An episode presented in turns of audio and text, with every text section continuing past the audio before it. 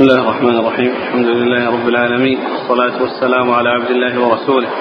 نبينا محمد وعلى آله وصحبه أجمعين. أما بعد قال الإمام الحافظ أبو عيسى الترمذي رحمه الله تعالى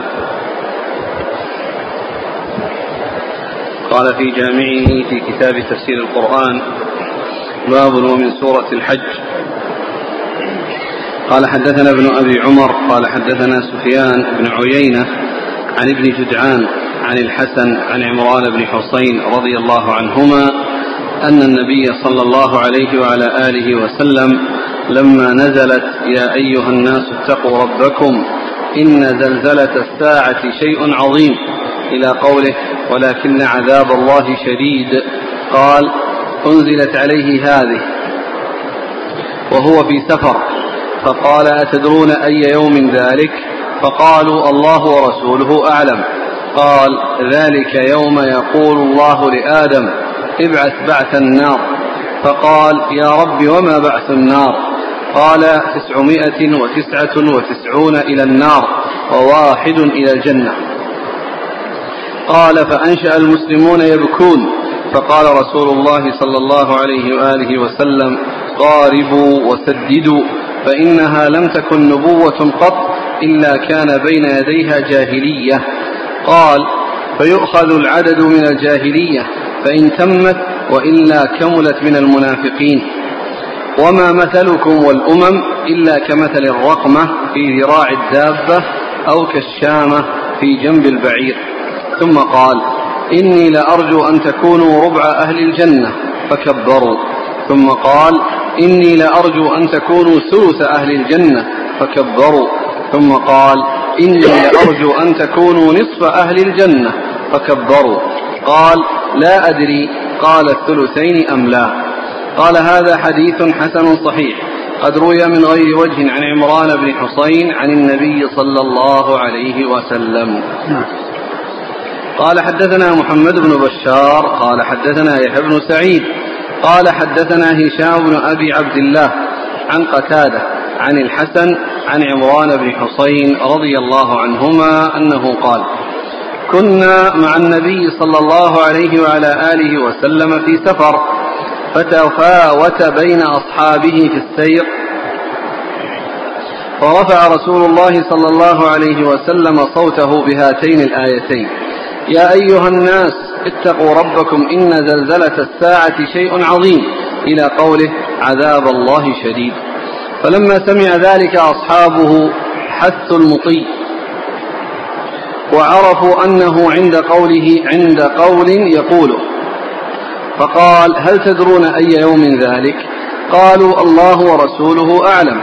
قال ذاك يوم ينادي الله فيه آدم فينادي به ربه فيقول يا آدم ابعث بعث النار فيقول يا رب وما بعث النار؟ فيقول من كل ألف تسعمائة وتسعة وتسعون في النار وواحد في الجنة. فيئس القوم حتى ما أبدوا بضاحكة. فلما رأى رسول الله صلى الله عليه وسلم الذي بأصحابه قال اعملوا وأبشروا فوالذي نفس محمد بيده إنكم لمع خليقتين. إنكم لمع خليقتين ما كانتا مع شيء إلا كثرتاه يأجوج ومأجوج ومن مات من بني آدم وبني إبليس. قال فسري عن القوم فسري عن القوم بعض الذي يجدون. فقال اعملوا وأبشروا فوالذي نفس محمد بيده ما أنتم في الناس إلا كالشامة في جنب البعير أو كالرقمة في ذراع الدابة. قال أبو عيسى هذا حديث حسن صحيح. بسم الله الرحمن الرحيم. الحمد لله رب العالمين وصلى الله وسلم وبارك على عبده ورسوله نبينا محمد وعلى آله وأصحابه أجمعين. أما بعد فهذا هذا الحديث عن عمران بن حصين رضي الله عنه من الطريقين أورده الترمذي رحمه الله في تفسير سورة الحج و و وهو من جملة الأحاديث التي أوردها في هذا في تفسير هذه السورة. وهذا الحديث يتعلق بأول آية فيها يا أيها الناس اتقوا ربكم إن زلزلة الساعة الساعة شيء عظيم. وفيه أن أن هذه الآية نزلت وهو في سفر. عليه الصلاة والسلام كان وأصحابه في سفر. وسألهم أي يوم هذا. فقال قالوا الله ورسوله أعلم لأن الرسول صلى الله عليه وسلم كان عند عندما يريد أن يحدث أصحابه عن شيء يسألهم أسئلة يكون فيها انتباههم واستعدادهم وتهيؤهم للشيء الذي يلقى عليهم. وكانت هذه طريقته صلى الله عليه وسلم أنه كان يسأل سؤالا يجعل القوم ينتبهون ويستعدون لتهيؤ ما سيلقى عليهم منه صلى الله عليه وسلم. وكان يعني جوابهم الله ورسوله أعلم. حتى في الأشياء التي كانوا يعلمونها يخشون أن يكون الرسول صلى الله عليه وسلم يريد شيئا مخصوصا كما جاء في مسألة الحج. أي يوم أتدرون أي يوم هذا أي شهر هذا أي بلد هذا؟ وكلها يقول الله ورسوله أعلم يظنون أنه يسميه بغير اسمه وأنه سيذكر شيئا لا يعرفونه. فهنا كان جوابهم الله ورسوله أعلم لأنهم لا يعرفون. فأجابهم عليه الصلاة والسلام بأنه يعني حين يقال لآدم أخرج بعث النار أو ابعث بعث النار أي ميز الذين هم من أهل النار من أهل الجنة. وقيل لآدم بخصوصه هذا الكلام لأنه أبو الجميع لأنه أبو البشر وكلهم من نسله وذريته عليه الصلاة والسلام. وأيضا الرسول صلى الله عليه وسلم رآه وفي الإسراء وعن يمينه أسودة وعن يساره أسودة. والمقصود بهم أهل السعادة وأهل الشقاوة. أهل السعادة وأهل الشقاوة. فكان تخصيص آدم عليه الصلاة والسلام بهذا لأنه هو والدهم ولأنه الذي آه كما جاء في الحديث آه كان آه حوله لما رآه النبي صلى الله عليه وسلم في, في, في الإسراء عنده أهل السعادة وأهل الشقاوة من ذريته. فقال وما بات النار؟ قال من كل من كل ألف تسعمائة وتسعة وتسعين. يعني تسعمائة وتسعة وتسعين في النار وواحد في الجنة. فشق ذلك على أصحاب الرسول صلى الله عليه وسلم وعظم ذلك عليهم. كون النجاة واحد في المئة والهلاك واحد في الألف والهلاك تسعمائة وتسعة وتسعين. شق ذلك على أصحاب الرسول صلى الله عليه وسلم وحزنوا ويئسوا. يعني ما دام النجاة واحد في واحد في الألف يعني فهذا شيء خطير شيء عظيم وأمر ليس بالسهل. يعني جعلهم يبكون ويخشون أن يصيبهم ما أصاب هذه الكثرة أو يحصل لهم ما حصل لهذه الكثرة وأن يكون أحد منهم من أهل هذه الكثرة. وهذا يدل على كثرة يعني من يهلك وقلة من ينجو. ولهذا يقول الله عز وجل وما أكثر الناس ولو حرصت بمؤمنين وإن تطع أكثر أهل الأرض أكثر من في الأرض يضلوك عن سبيل الله. ويقول بعض أهل العلم في هذا المعنى عليك بطريق الحق ولا ولا تزهد فيها لقلة السالكين. لا تزهد فيها لقلة السالكين.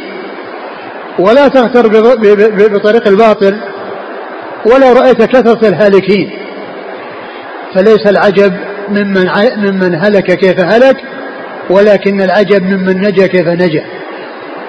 لأن الهلاك هو الكثرة فلا يتعجب من الهلاك ولكن يتعجب من النجاة التي هي قليلة. فليس العجب ممن هلك كيف هلك؟ لأن الهالكون هم الكثيرون ولكن العجب ممن نجا كيف نجا. والمعنى أن الإنسان يحرص على أن يكون من القليل الناجي ويحذر أن يكون من الكثير الهالك. يحرص على أن يكون من القليل الناجي ويحذر أن يكون من الكثير الهالك. فالرسول صلى الله عليه وسلم بين لهم يعني كثرة الهالكين وكثرة المخذولين وقلة الناجين أو أهل السعادة. قال إنه ما من نبوة إلا وقبلها جاهلية. ما من نبوة إلا وقبلها جاهلية. فيؤخذ من أهل الجاهلية ويضاف إليهم من كان من المنافقين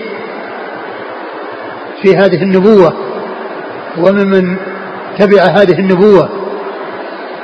والمقصود به النفاق الاعتقادي. النفاق الاعتقادي.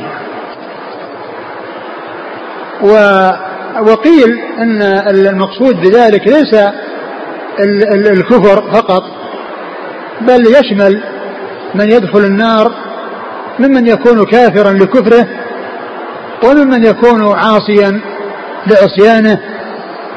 لكن من دخل النار من العصاة فإنها لا تكون داره ومقره بل يبقى فيها مدة التي شاء الله عز وجل أن يبقى فيها ويخرج منها ويدخل الجنة. وتكون النهاية في النتيجة في النهاية في النهاية أن الجنة لا أن النار ليس فيها إلا الكفار والجنة فيها الذين هم مؤمنون الذين دخلوها من أول وهلة والذين دخلوها في آخر الأمر بعدما عذبوا في النار على مقدار جرائمهم وعوقبوا على أفعالهم فإن هذه الكثرة تكون من أهل الجاهلية الذين قبل النبوة ومن الذين يخالفون النبوة ويعارضونها ومن الذين ومن المنافقين الذين يظهرون الإيمان ويبطنون الكفر. و وقد جاءت بعض الأحاديث في الدلالة على قلة من استجاب للأنبياء كما في الحديث الذي رواه مسلم الحديث الذي آه، في الصحيحين الحديث الطويل الذي فيه السبعين ألف الذين يدخل الجنة بغير حساب ولا عذاب. في أوله رأيت النبي ومعه الرجل والرجلان والنبي وليس معه أحد. وهذا يدل على قلة من استجاب للأنبياء. فإذا هذه الكثرة من الجاهلية التي هي قبل النبوة ومن المعارضين للنبوة وهم الكثيرون وكذلك المنافقون الذين إذا ظهر الإسلام أو ظهر الدين وقوي أظهروا الإيمان وأبطنوا الكفر وكلهم من أهل النار. وكذلك إذا صار الأمر أوسع من هذا وأعم بأن يشمل العصاة وهم الذين يدخلون النار فيكون الذين دخلوا النار والذين عذبوا في النار في أول الأمر كثيرون. الكفار الذين سيبقون فيها أبد الآباد والمنافقون الذين هم في حكمهم وأسوأ منهم وهم في الدرك الأسفل من النار. وكذلك الذين هم عصاة يعذبون على مقدار جرائمهم فهم في أول الأمر الذين في النار كثيرون جدا. لأن معهم العصاة الذين شاء الله تعذيبهم ولكن في النهاية ما يبقى في النار إلا الكفار والمنافقون الذين نفاقهم اعتقادي يظهرون الإيمان ويبطنون الكفر والذين هم في الدرك الأسفل من النار كما بين الله عز وجل في كتابه. وكذلك والجنة يكون فيها آه، في أول الأمر الذين يدخلون بغير حساب ولا عذاب وفي آخر الأمر يضاف إليهم كل من دخل النار وهو من أهل الإيمان ومن أهل الكبائر فإنه يخرج منها ويدخل الجنة. وفي الحديث الثاني قال إنكم في خليقتين ما كانتا في أحد لكثرتا وهما يأجوج ومأجوج وهما يأجوج ومأجوج.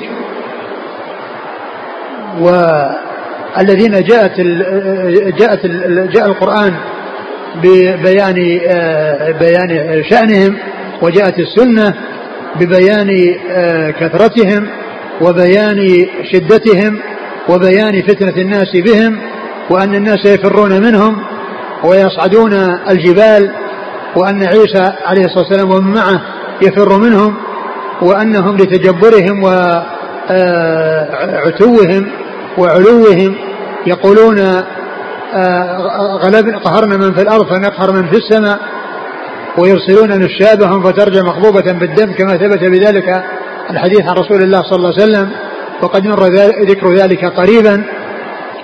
فإذا هذه الكثرة تكون من هذه ال ال ال يعني مما يكثر هذا العدد الذي يكون في النار كون يأجوج ومأجوج منهم. كون يأجوج ومأجوج منهم وهما ما كان في أحد إلا وكثراه هاتان القبيلتان ما كان في أحد إلا وكثرتاه ثم قال ومن مات من من بني آدم وبني إبليس. بنو آدم هو هم البشر وبنو إبليس هم الجن.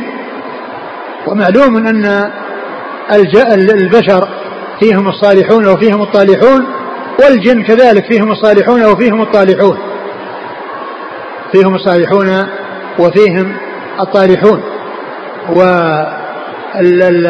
والذي يكون مع آه، يأجوج ومأجوج ومع هذا العدد الكبير هو من مات يعني مشركا وكافرا من الجن والإنس أو مات منافقا أو مات عاصيا وشاء الله عز وجل تعذيبه فإن هؤلاء يكونون في النار وتحصل الكثرة بسبب بسبب ذلك. وفي الحديث الأول أن الرسول صلى الله عليه وسلم لما شق عليهم على أصحابه ما أخبرهم به من هول ذلك اليوم وشدته كبروا فقال إني أرجو أن تكونوا ربع أهل الجنة فكبروا يعني فرحا وسرورا وابتهاجا وشكرا لله عز وجل على هذه النعمة. ثم قال إن أرجو أن تكونوا ثلث أهل الجنة. ثم قال نصف أهل الجنة. وذكر الشك في الثلثين. ولكنه جاء في بعض الأحاديث ما يدل عليه حيث جاء فيه أن أنهم يكونون مئة وعشرين صفا فثمانون منهم يعني من أمة محمد اللي هم أهل الجنة والأربعون الباقية تكون يعني لغيرهم. فعلى هذا يعني جاء ذكر الربع والثلث والنصف وجاء ذكر الثلثين في حديث آخر غير الحديث الذي معنا. وفي ذكر التكبير دلالة على أنه عند ذكر ما يسر أنه يؤتى بالتكبير كما حصل من الصحابة في هذا الحديث وما يشبهه وكما حصل من بعض أفرادهم كما حصل من عمر رضي الله عنه لما أشيع أن النبي صلى الله عليه وسلم طلق نساءه وجاء عمر رضي الله عنه من بستانه فزعا حتى وصل إلى الرسول صلى الله عليه وسلم وقال أطلقت نساءك يا رسول الله؟ قال لا. فكبر عمر فرحا وسرورا. فهذا يدل على أنه عند الفرح والسرور يحصل التكبير. على عكس ما هو موجود في هذا الزمان من التصفيق. عندما يكون هناك شيء يسر أو شيء يعني يعجب يعني يحصل التصفيق. السنة جاءت بالتكبير كما في الأحاديث المتعددة. في سنة الرسول صلى الله عليه وسلم أنه عندما يأتي ذكر شيء يسر يكبر فيقال الله أكبر. أما ما هو موجود في هذا الزمان من حصول التصفيق فهذا هذا يعني أمر غير طيب والخير كل الخير في اتباع السنة لأن في التكبير ذكر لله عز وجل. يعني إظهار الفرح بذكر الله. إظهار الفرح بذكر الله. ووصف الله بهذا الوصف الذي هو أكبر من كل كبير. ولهذا يعني جاء التكبير بخصوصه في أحوال عديدة في الإسلام. يعني فجاء في الأذان جاء في الأذان التكبير وجاء في الصلاة في كل خفض ورفع تكبير إلا عند القيام من الركوع قال سمع الله لمن حمده والباقي كله تكبير. عند كل خفض ورفع. كل ذلك الله أكبر. كل ركعة من ركعات الصلاة فيها ست تكبيرات. كل ركعة من ركعات الصلاة فيها ست تكبيرات. وفي ألفاظ الأذان ست تكبيرات. أربع في الأول وثنتين في الآخر. أربع في الأول وثنتين في الآخر. فإذا ذكر التكبير عند الأمور السارة فيه بالإضافة إلى كون فيه إظهار السرور بأمر آه، مفيد وأمر طيب فيه الثناء على الله عز وجل وتعظيمه سبحانه وتعالى. نعم الحديث. وفي أول الحديث أول أول الحديث ذكر الزلزلة. وأنها تذهل كل مرضعة عما أرضعت وتضع كل ذات حمل حملها. وهذا يحمل على ما كان في آخر الدنيا ونهاية الدنيا. من كون النساء يعني يرضعن ويحملن وفيهن الحبل ومعهن ويرضعن. فتذهل الأم عن رضيعها وتذهل وتذهل الحامل عن وتسقط الحامل حملها. تضع كل ذات حمل حملها من شدة الهول ومن شدة الفزع الذي يحصل في آخر الزمان عند قيام الساعة. فإذا الذي الأمر ظاهر في أن المقصود من ذلك أنه عند نهاية الدنيا. في آخرها يعني يكون هذا الأمر الذي هو تذهل كل مرضعة عما رأت وتضع كل ذات حمل حملها. وتضع كل ذات حمل حملها. اقرأ الحديث الأول. عن عمران بن حصين رضي الله عنهما أن النبي صلى الله عليه وسلم لما نزلت يا أيها الناس اتقوا ربكم إن زلزلة الساعة شيء عظيم. إلى قوله ولكن عذاب الله شديد قال أنزلت عليه هذه وهو في سفر. فقال أتدرون أي يوم ذلك؟ فقالوا الله ورسوله أعلم. قال ذلك يوم يقول الله لآدم ابعث بعث النار. فقال يا رب وما بعث النار؟ قال تسعمائة وتسعة وتسعون إلى النار وواحد إلى الجنة. قال فأنشأ المسلمون يبكون. فقال رسول الله صلى الله عليه وسلم قاربوا وسددوا فإنها لم قاربوا وسددوا. يعني افعلوا الأعمال واجتهدوا في الأعمال الصالحة وأتوا امتثلوا ما أمرتم به واجتنبوا ما نهيتم عنه.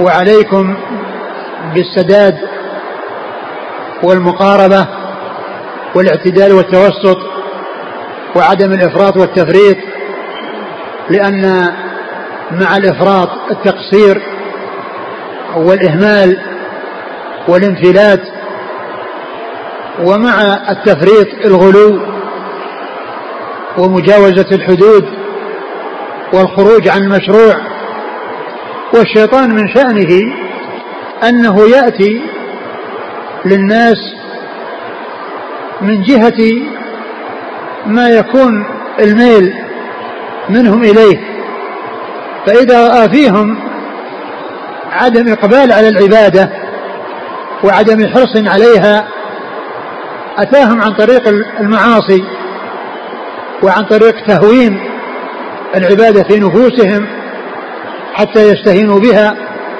ويستخفوا بها ويهملوا ما أمروا به ويقعوا فيما نهوا عنه.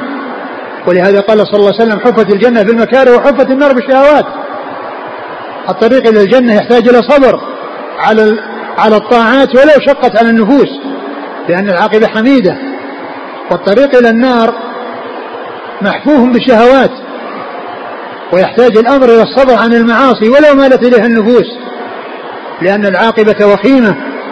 إذا أقبل الإنسان على ما تشتهيه نفسه وتميل إليه نفسه فهذا شأن الشيطان. يأتي للإنسان من الجهة التي يرى اتجاه نفسه إليها فإن رآه مستهينا بالعبادة ومقصر فيها أتاه عن طريق تزهيده فيها وحثه على تركها أو التساهل فيها والتهاون فيها. وإذا راه مجدا فيها أتاه عن طريق الزيادة وعن طريق الغلو حتى يخرج عن المشروع إلى غير المشروع حتى يخرج عن المشروع إلى غير المشروع. فيأتي عن طريق الشهوات وعن طريق الشبهات. عن طريق الشبهات المتعلقة بالمعاصي الشهوات وعن طريق الشبهات المتعلقة بالاعتقادات. وأمراض القلوب تنقسم إلى قسمين أمراض شهوات وأمراض شبهات. أمراض شهوة وأمراض شبهة. فمرض الشبهة الشهوة اللي يتعلق بالمعاصي. كما قال الله عز وجل في أمهات المؤمنين ولا تخضعن في القول فيطمع الذي في قلبه مرض. هذا مرض الشهوة.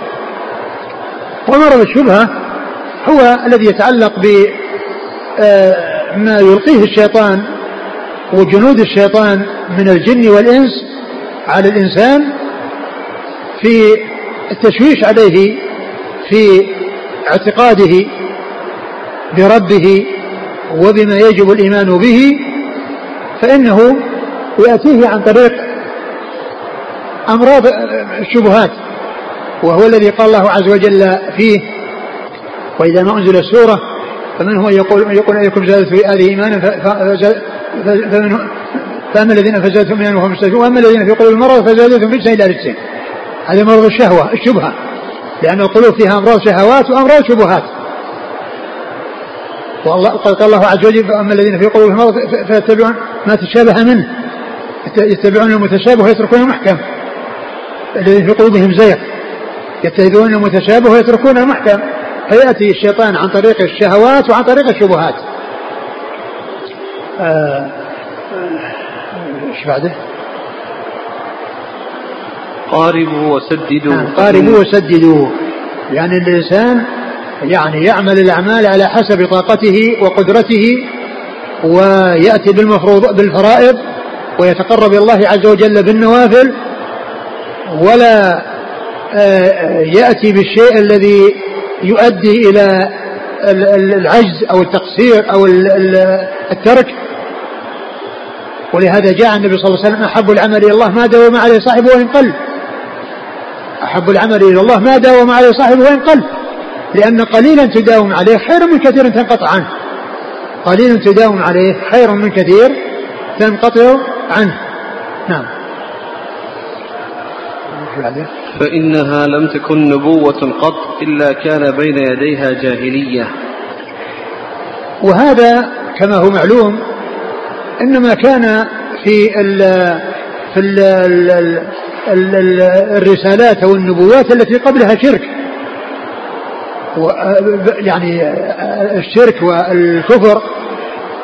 وأول رسول أرسله الله إلى أهل الأرض بعد أن حصل فيها الشرك نوح عليه الصلاة والسلام. وأما قبل ذلك كان الناس على الفطرة والأنبياء يأتون الناس مؤيدين ومقررين للفطرة.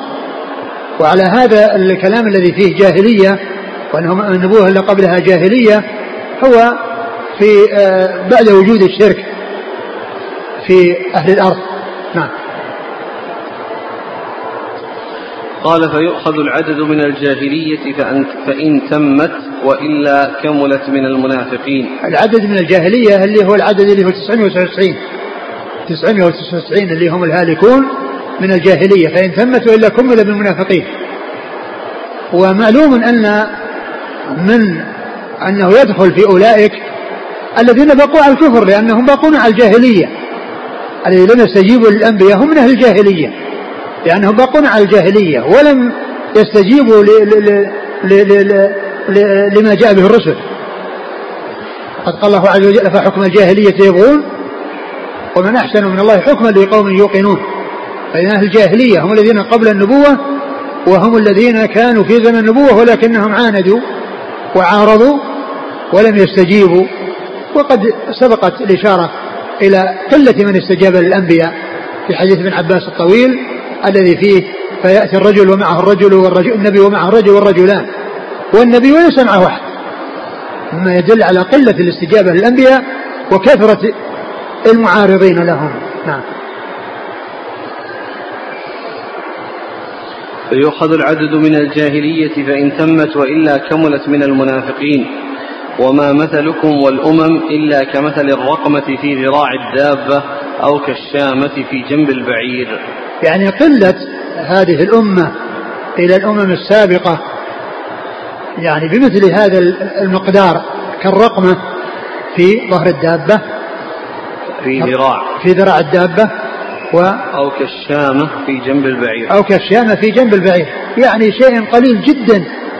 يعني الرقمة مثل يعني المكان الذي يكون في آه، بعض الحيوانات مثل الحمير يعني يكون في داخل آه، آه، يديه. يعني كذا قطعة يعني يعني مثل الدرهم مستديرة ليس فيها شعر. يعني هذا المقدار بالنسبة لجسد الحيوان وجسم الحيوان. يعني وأنهم قلتهم بالنسبة كما كما في هذه القلة في هذه الرقمة أو هذه الشامة التي هي علامة يعني في في الدابة. يعني قلة هذه الأمة بالنسبة إلى غيرها من الأمم. نعم. ثم قال إني لأرجو أن تكونوا ربع أهل الجنة فكبروا. ثم نعم. قال إني لأرجو أن تكونوا ثلث أهل الجنة فكبروا. نعم. ثم قال إني لأرجو أن تكونوا نصف أهل الجنة فكبروا. نعم. قال لا أدري قال الثلثين أم لا. نعم. عن عمران بن حصين قال كنا مع النبي صلى الله عليه وسلم في سفر فتفاوت بين أصحابه في السير. يعني حصل التفاوت يعني متفرقين. يعني أولهم بين أولهم وآخرهم مسافة طويلة فهم متفاوتون. بعضهم متقدم بعضهم متوسط وبعضهم متأخر. فالرسول صلى الله عليه وسلم جهر في هاتين الآيتين ففهموا أن هناك قول يقوله بهذه المناسبة أو بهذا الشيء الذي سمعوه منه صلى الله عليه وسلم فأسرعوا حتى تجمعوا عنده صلى الله عليه وسلم قال إيش؟ فتفاوت بين أصحابه في السير نعم. فرفع رسول الله صلى الله عليه وسلم صوته بهاتين الآيتين يا أيها الناس اتقوا ربكم إن زلزلة الساعة شيء عظيم إلى قوله عذاب الله شديد. فلما سمع ذلك أصحابه حثوا المطي وعرفوا أنه عند قول يقوله يعني هذا الذي حصل عند شيء سيقوله صلى الله عليه وسلم وأنهم حثوا المطي يعني أسرعوا يعني بدل ما كانوا كل على مهله وكل على حاله. لما عرفوا أن فيه مناسبة تتطلب آه، الاجتماع والحضور حثوا المطية يعني ساقوها حتى تتحرك فيصلون حتى يصلوا إلى الرسول صلى الله عليه وسلم. نعم.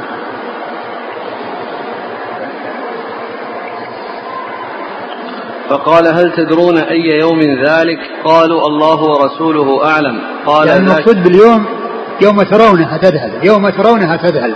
نعم. قال ذاك يوم ينادي الله فيه آدم فينادي به فينادي به ربه فيقول يا آدم ابعث بعث النار فيقول يا ربي وما بعث النار. فيقول من كل ألف تسعمائة وتسعة وتسعون في النار وواحد في الجنة. فيئس القوم حتى ما أبدوا بضاحكة. يعني حتى ما أبدوا بضاحكة يعني ما حصل لهم تبسم.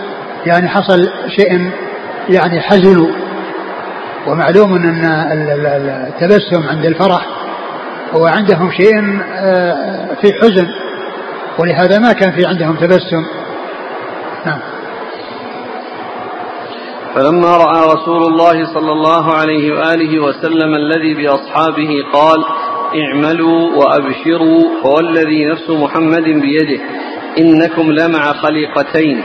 ما كانتا مع شيء إلا كثرتاه يأجوج ومأجوج ومن مات من بني آدم وبني إبليس. آه آه قال إنكم آه أولا قال اعملوا وأبشروا. اعملوا يعني ما أمرتم به. بامتثال اعملوا الشيء الذي شرع لكم مما هو مأمور تفعلونه وما هو منهي تتركونه. وأبشروا. يعني بالأجر والثواب والعاقبة الحميدة التي تترتب على امتثال الأوامر وترك النواهي واجتناب النواهي. اعملوا وأبشروا بنتيجة الأعمال وبثمرات الأعمال التي هي الجزاء على الأعمال. ثم بين لهم صلى الله عليه وسلم أن هذه الكثرة اللي هي 999 الهلاك والنجاة واحد في المئة واحد بالألف أنكم ما كن ما أنكم ما كنتم؟ إنكم لمع خليقتين ما كانتا مع شيء إلا كثرته إنكما لمع خليقتين.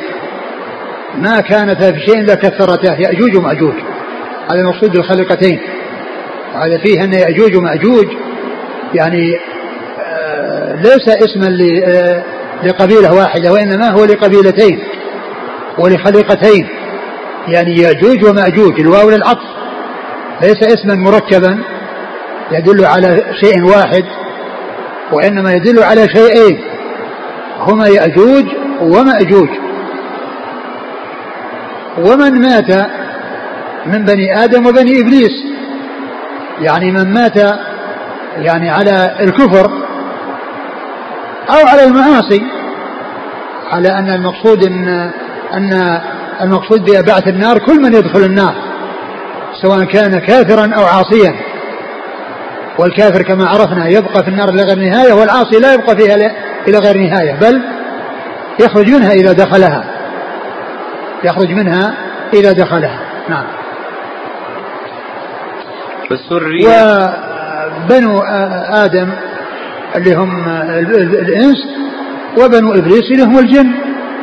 لأن الجن هم نسل إبليس. فتتخذونه وذريته أولياء من دوني. هو ذريته اللي هم نسله اللي هم الجن. و ونسل آدم فيهم الصالحون والطالحون ونسل إبليس فيهم الصالحون وفيهم الطالحون. نعم. فسري عن القوم بعض الذي يجدون.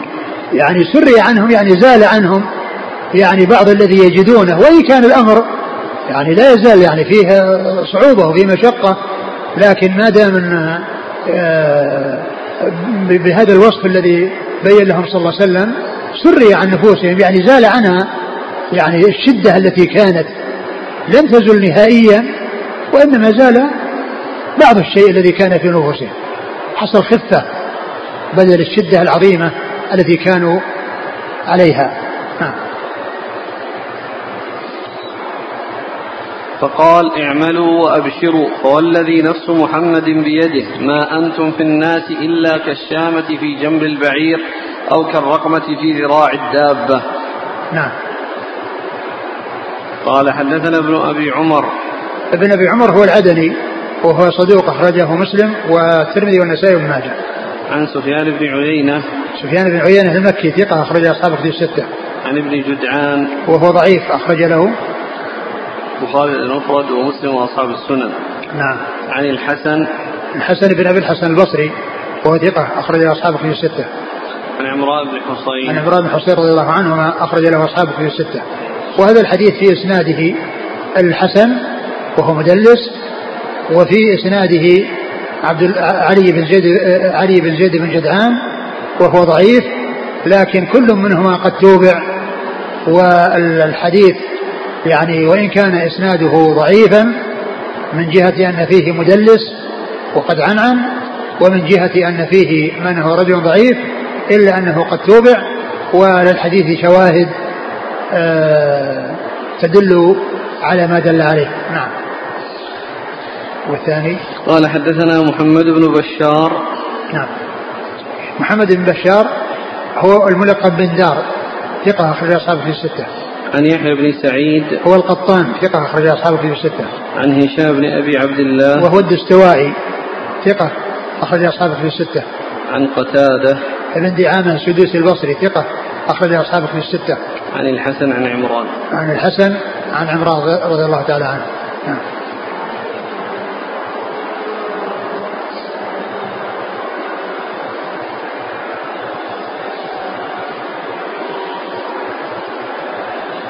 يقول كيف الجمع بين قول النبي صلى الله عليه وسلم ما مثلكم والأمم إلا كمثل الرقمة في ذراع الدابة وبينما ورد أن أمة النبي صلى الله عليه وسلم أكثر الأمم ولما رأى, ولما رأى سوادا عظيما ظنه أمته فقيل له موسى ثم رأى سوادا أعظم. ما في تنافي لأنها يعني هي أكثر بالنسبة لأمة كل نبي وليست أكثر بالنسبة للأمم السابقة مجتمعة. وإنما المقصود أنها أكثر أمة تابعة للرسل فأتباع نبينا محمد صلى الله عليه وسلم أكثر وذلك أن شريعته كما هو معلوم باقية وخالدة بخلاف الرسالات السابقة فإنها تنتهي. فالمقصود يعني لأنهم أكثر الأمم السابقة يعني أكثر أكثر أمة تابعة لنبي ويليها موسى. كما جاء في الحديث أن كان رأى سوادا عظيم قال ظن أنه أمته إلى هذا موسى وقومه. ثم بعد ذلك جاء ذكر الأمة. فإذا هذه الكثرة ليست بالنسبة لمجموع الأمم السابقة وإنما هي بالنسبة لمجموع كل أمة.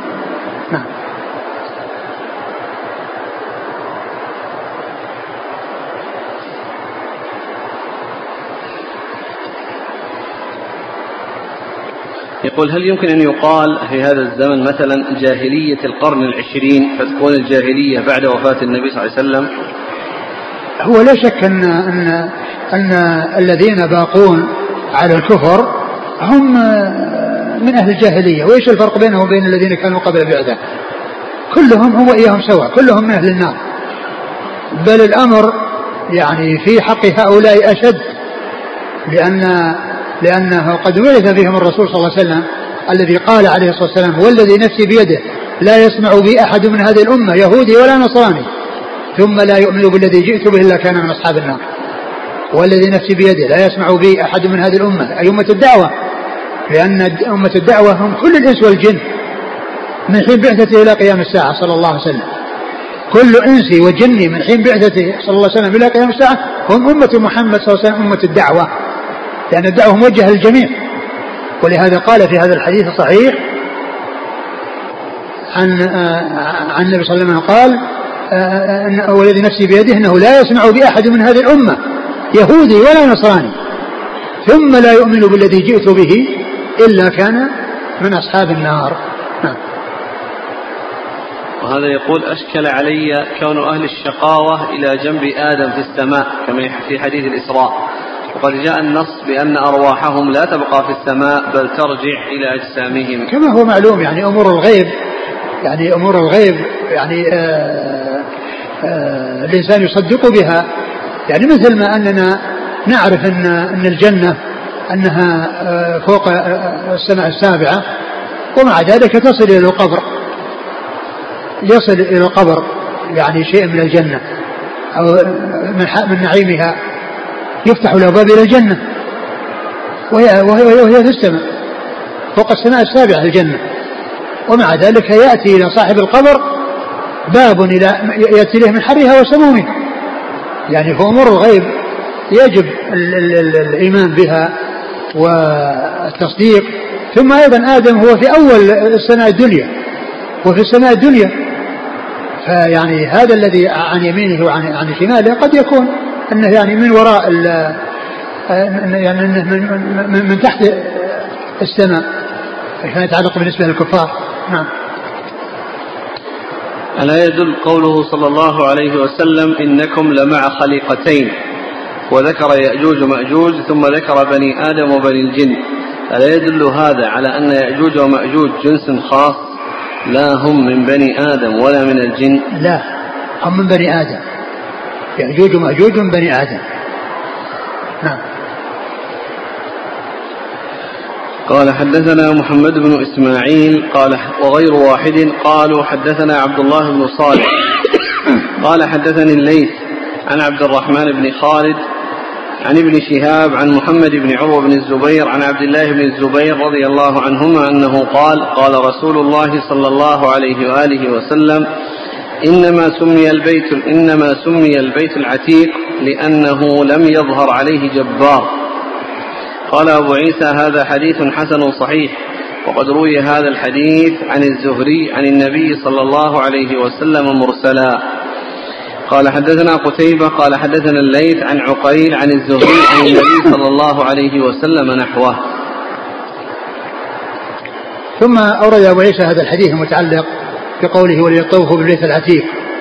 وأن البيت العتيق سمي عتيقا لأنه آه لم يتغ... لم لم لم يظهر عليه. لم يظهر عليه جبار يعني لم يغلب عليه جبار. وال والحديث في إسناده عبد الله بن صالح كاتب الليث وهو صدوق.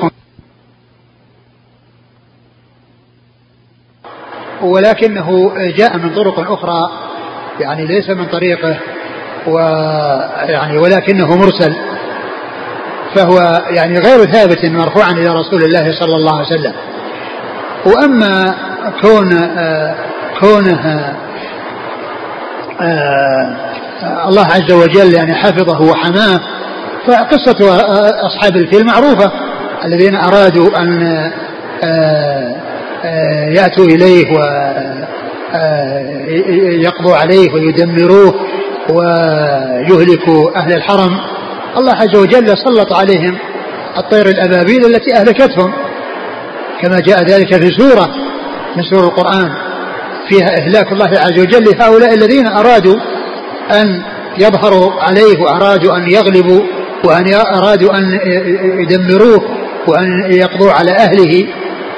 فالحديث ما ثبت ما ثبت عن رسول الله صلى الله عليه وسلم. وأما من ناحية الواقع فقصة أصحاب الفيل واضحة في أن هؤلاء المتجبرين الذين أرادوا أن يحصل منهم يعني ما أرادوه الله سبحانه وتعالى رد كيدهم في نحورهم وأهلكهم وأبادهم. نعم. قال حدثنا محمد بن إسماعيل. آه هو؟ قال عنه الترمذي. نعم. هو؟ ثقة أخرجه الترمذي والنسائي. نعم. آه عن عبد الله بن صالح. وهو صدوق كثير الخطأ أخرج له. قال تعليقا أبو داود والترمذي وابن ماجه. نعم. عن الليث. الليث بن سعد ثقة أخرج أصحابه في الستة. عن عبد الرحمن بن خالد. هو؟ صدوق خرج البخاري ومسلم وداود في المراسيل. نعم. والترمذي والنسائي. نعم. عن ابن شهاب. محمد بن مسلم بن عبيد الله بن شهاب ثقة أخرج أصحابه في الستة. عن محمد بن عروة بن الزبير. وهو؟ صدوق خرج أبو داود في المراسيل والترمذي. نعم. عن عبد الله بن الزبير.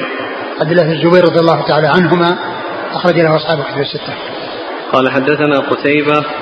قتيبة بن سعيد ثقة أخرج أصحابه في الستة. عن الليث عن عقيل. عقيل بن خالد بن عقيل المصري ثقة أخرج أصحابه في الستة.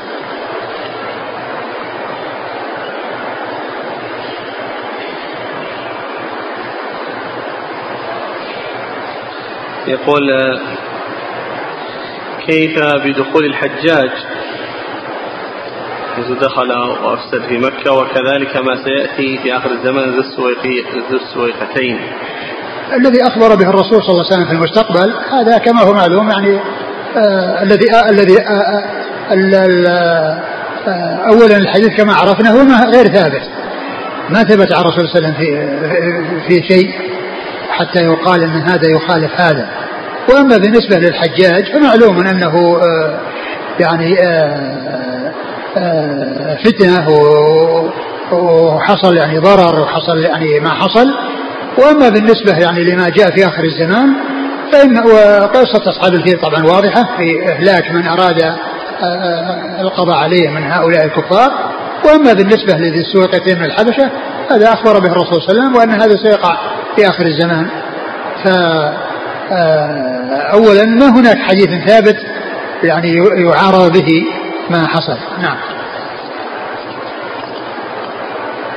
كذلك هنا يقول ما وقع من القرامطة. وكذلك وقع من القرامطة. يعني إحنا الكلام إحنا قلنا أن الحديث أول غير ثابت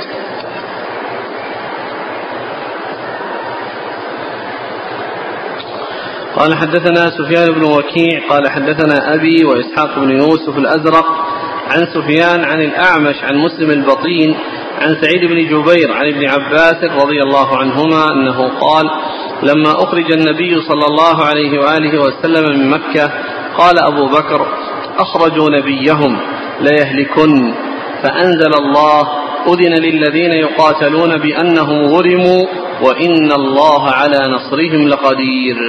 الآية فقال أبو بكر لقد علمت أنه سيكون قتال. قال هذا حديث حسن وقد رواه عبد الرحمن بن مهدي وغيره عن سفيان عن الأعمش عن مسلم البطين عن سعيد بن جبير مرسلا ليس فيه عن ابن عباس. قال حدثنا محمد بن بشار قال حدثنا أبو أحمد الزبيري قال حدثنا سفيان عن الأعمش عن مسلم البطين عن سعيد بن جبير مرسلا ليس فيه عن ابن عباس. قال حدثنا محمد بن بشار قال حدثنا أبو أحمد الزبيري قال حدثنا سفيان عن الأعمش عن مسلم البطين عن سعيد بن جبير قال لما أخرج النبي صلى الله عليه وسلم من مكة قال رجل أخرجوا نبيهم. فنزلت أذن للذين يقاتلون بأنهم ظلموا وإن الله على نصرهم لقدير الذين أخرجوا من ديارهم بغير حق. النبي صلى الله عليه وسلم وأصحابه. ثم ورد أبو عيسى هذا الحديث المتعلق بآية أذن الذين يقاتلون يقاتلون بأنهم ظلموا يقاتلون بأنهم ظلموا وإن الله على نصرهم لقدير. وأن هذه وهذه هي أول ما نزل في الإذن بالقتال لأن القتال نزل على مراحل. المرحلة الأولى أن فيه إذن. يعني بالقتال بسبب أنهم قتلوا. والأمر الثاني أمر بقتال من يقاتل. ثم بعد ذلك أمر بقتال الكفار حتى يدخل في الإسلام ويعطي الجزية عن يد وهم صاغرون. فهذه مراحل مشروعية الجهاد والقتال في سبيل الله. وهذا الذي جاء هو الذي آه، هو أول مرحلة من المراحل وهو أنه أذن لهم لأنهم أوذوا ولأنه لما كان في مكة يعني ما كان لهم دولة وما كان لهم قوة ولما خرجوا إلى المدينة واستقبل آه، الأنصار الرسول صلى الله عليه وسلم وقد بايعوه على النصرة ثم المهاجرون خرجوا وفروا بدينهم مع رسوله صلى الله عليه وسلم صار للإسلام دولة فشرع الله عز وجل الجهاد وكان أول ما نزل هو هذه الآية التي فيها الإذن لهم بسبب أنهم قتلوا وأنهم وأنهم ظلموا. وهذه كما هو واضح هي أول المراحل. وقد جاء في هذا أن أبا بكر رضي الله عنه قال لا يهلكن يعني الذين أخرجوا نبيهم صلى الله عليه وسلم وآذوه واضطروه إلى أن يخرج. و وش بعد ذلك؟ قال فيه الحديث بقية الحديث. قال أبو بكر لقد علمت أنه سيكون قتال أنه سيكون قتال يعني لما نزلت أذن الذين يقاتلون بأنهم ظلموا يعني آه، علم بأنه سيكون قتال. نعم. قال حدثنا سفيان بن وكيع. هو آه، صدوق أدخل عليه آه، كاتبه أو راويته ما ليس منه. ف ف ف فنصح فلم فنصح فلم ينتصح فترك حديثه. ولكن الحديث آه، من هذا الإسناد وإن كان فيه سفيان هذا آه، الذي هو سفيان ابن وكيع إلا أن الحديث جاء من طرق أخرى ليس فيها سفيان. وهو ثابت كما في سنن في سنن النسائي موجود عند النسائي بطرق صحيح. ليس فيه آه، ليس فيه سفيان هذا الذي هو ابن ابن وكيع. فالحديث ثابت يعني في نزول هذه الآية وهذا الإسناد فيه هذا الرجل الذي هو ضعيف ولكن الحديث صحيح من غير طريقة. نعم. عن أخرجه الترمذي وابن ماجه. نعم. عن أبيه. أبوه وكيع وهو ثقة أخرج أصحاب الستة. وإسحاق بن يوسف الأزرق إسحاق بن يوسف الأزرق ثقة أخرج أصحاب الكتب الستة أيضا عن سفيان وسفيان هو الثوري ثقة أخرج أصحاب الكتب الستة عن الأعمش وهو سليمان بن مهران ثقة أخرج أصحاب كتب الستة. عن مسلم البطين. وهو مسلم بن عمران البطين ثقة أخرج أصحاب كتب الستة. عن سعيد بن جبير. وهو ثقة أخرج أصحاب كتب الستة. عن ابن عباس. عن ابن عباس عبد الله بن عباس رضي الله تعالى عنهما أحد العبادلة الأربعة وأحد السبع المكثرين حديث الرسول صلى الله عليه وسلم. ورواه عبد الرحمن بن مهدي هو ثقة أخرج أصحاب في الستة. عن سفيان عن أعمش عن مسلم البطين عن سعيد مرسلا ليس فيه عن ابن عباس. نعم. قال حدثنا محمد بن بشار هو الملقب بن دار ثقة أخرج أصحاب في الستة. عن أبي أحمد الزبيري. ومحمد بن عبد الله بن الزبير ثقة أخرج له. أصحاب الكتب. نعم. عن سفيان عن الأعمش عن مسلم البطين عن سعيد نعم. بن جبير. نعم.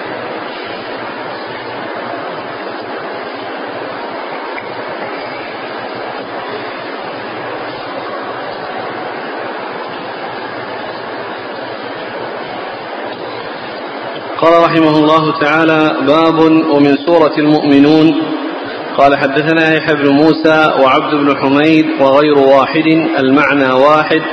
قالوا حدثنا عبد الرزاق عن يونس بن سليم عن الزهري عن عروة بن الزبير عن عبد الرحمن بن عبد القاري رضي الله عنه أنه قال سمعت عمر بن الخطاب رضي الله عنه يقول كان النبي صلى الله عليه وعلى آله وسلم إذا أنزل عليه الوحي سمع عند وجهه كدوي النحل فأنزل عليه يوما فمكثنا ساعة فسري عنه فاستقبل القبلة ورفع يديه وقال اللهم زدنا ولا تنقصنا وأكرمنا ولا تهنا وأعطنا ولا تحرمنا وآثرنا ولا تؤثر علينا وأرضنا وارض عنا ثم قال صلى الله عليه وسلم أنزل علي عشر آيات من أقامهن دخل الجنة.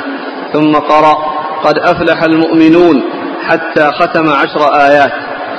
قال حدثنا محمد بن أبان قال حدثنا عبد الرزاق عن يونس بن سليم عن يونس بن يزيد عن الزهري بهذا الإسناد نحوه بمعناه. قال أبو عيسى هذا أصح من الحديث الأول.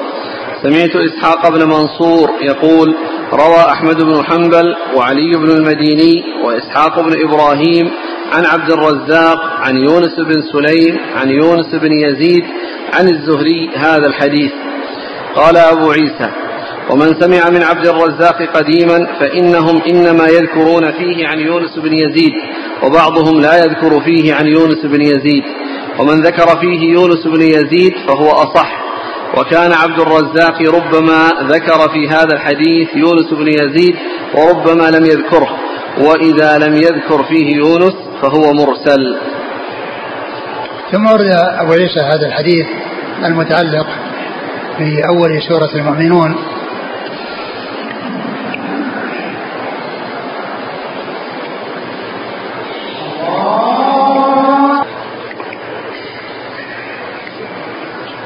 هذا الحديث يتعلق بأول آية أو بالآيات الأولى من سورة المؤمنون وهي المشتملة على صفات المؤمنين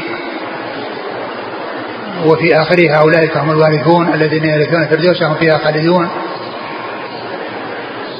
والرسول صلى الله عليه وسلم كان عندما يوحى إليه يكون عند وجهه دوي كدوي النحل يعني صوت يعني هكذا يعني لا يفهم. وقيل إن هذا صوت الايحاء إليه يعني من الملك. وقيل إنه ما يحصل منه صلى الله عليه وسلم من الشدة ومن من, من تنفسه وما يحصل من من الشدة عند الوحي إليه وكان يحصل له شدة كما جاء ذلك في أحاديث كثيرة فيها بيان ما يحصل له صلى الله عليه وسلم عند الوحي إليه من الشدة و كونه في الأيام الشاتية يعني يتفصد منه العرق في اليوم الشاتي الشديد البرودة لشدة ما يحصل له صلى الله عليه وسلم.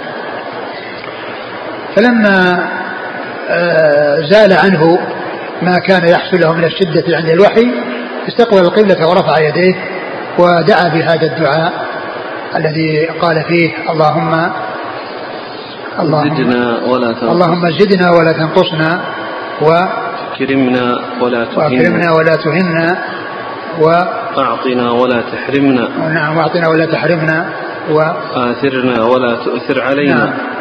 وأرضنا وارض عنا. نعم خمسة أشياء. يعني فيها طلب شيء وطلب آه، يعني آه، وفيها طلب شيء آه، السلامة من شيء يقابل. يعني ذلك المطلوب. اللهم زدنا ولا تنقصنا وأعطنا ولا تحرمنا. ف ثم إنه قال أنزل علي يعني هذا الذي حصل له من الشدة. يعني أنزل عليه عشر آيات من من أول سورة المؤمنون. ثم تلا الآيات. واخرها اولئك هم الوارثون الذين يرثون الفردوس هم فيها خالدون. إيش قال بعده؟ من أنزل عليه عشر آيات من أقامهن دخل الجنة. من أقامهن دخل الجنة؟ لأنها قال في آخرها أولئك هم الوارثون. وجاء مثلها في سورة المعارج وقال أولئك في جنات مكرمون. يعني فيه فيها كلها ختمت بالعاقبة الحميدة ودخول الجنة. من أقامهن؟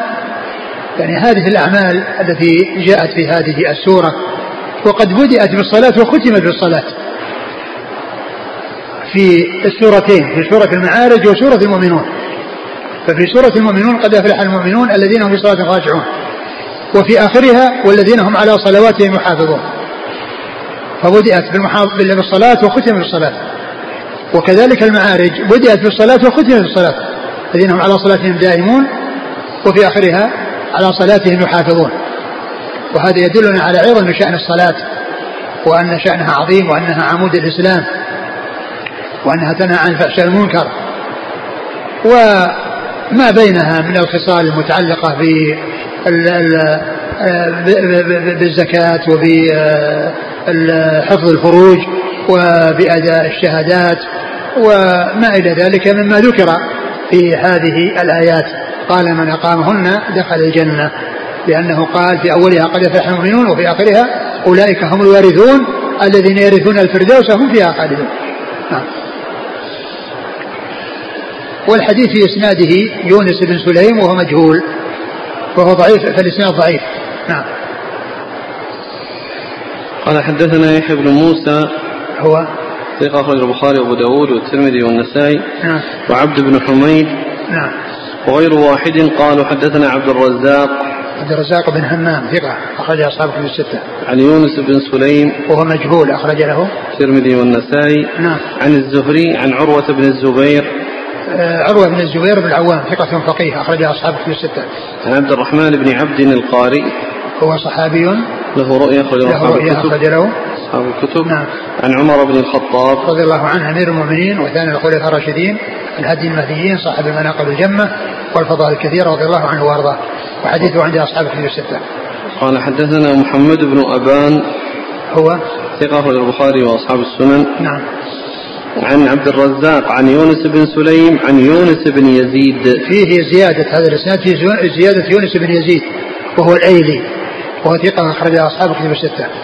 قال أبو عيسى هذا أصح من الحديث الأول.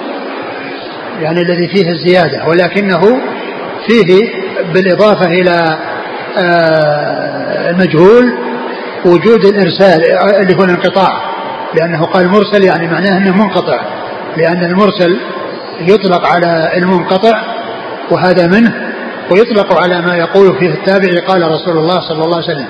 وهذا هو المشهور عند المحدثين أن المرسل ما قال فيه التابعي قال رسول الله صلى الله عليه وسلم.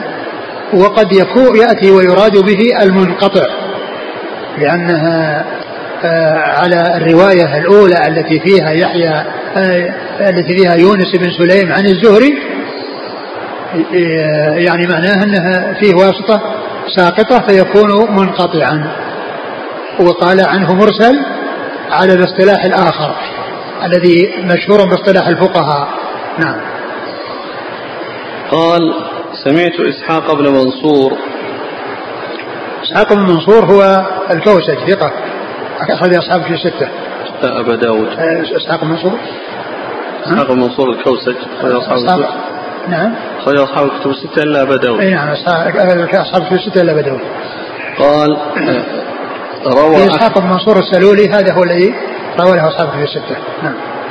روى أحمد بن حنبل وعلي بن المديني أحمد بن حنبل هو الإمام المشهور أحد أصحاب المذاهب الأربعة مذاهب أهل السنة وحديثه أخرجه أصحاب في الستة وعلي بن المديني آه، آه، ثقة أخرج له آه، أصحاب الكتب إلا مسلم وإلا ابن ماجه في التفسير.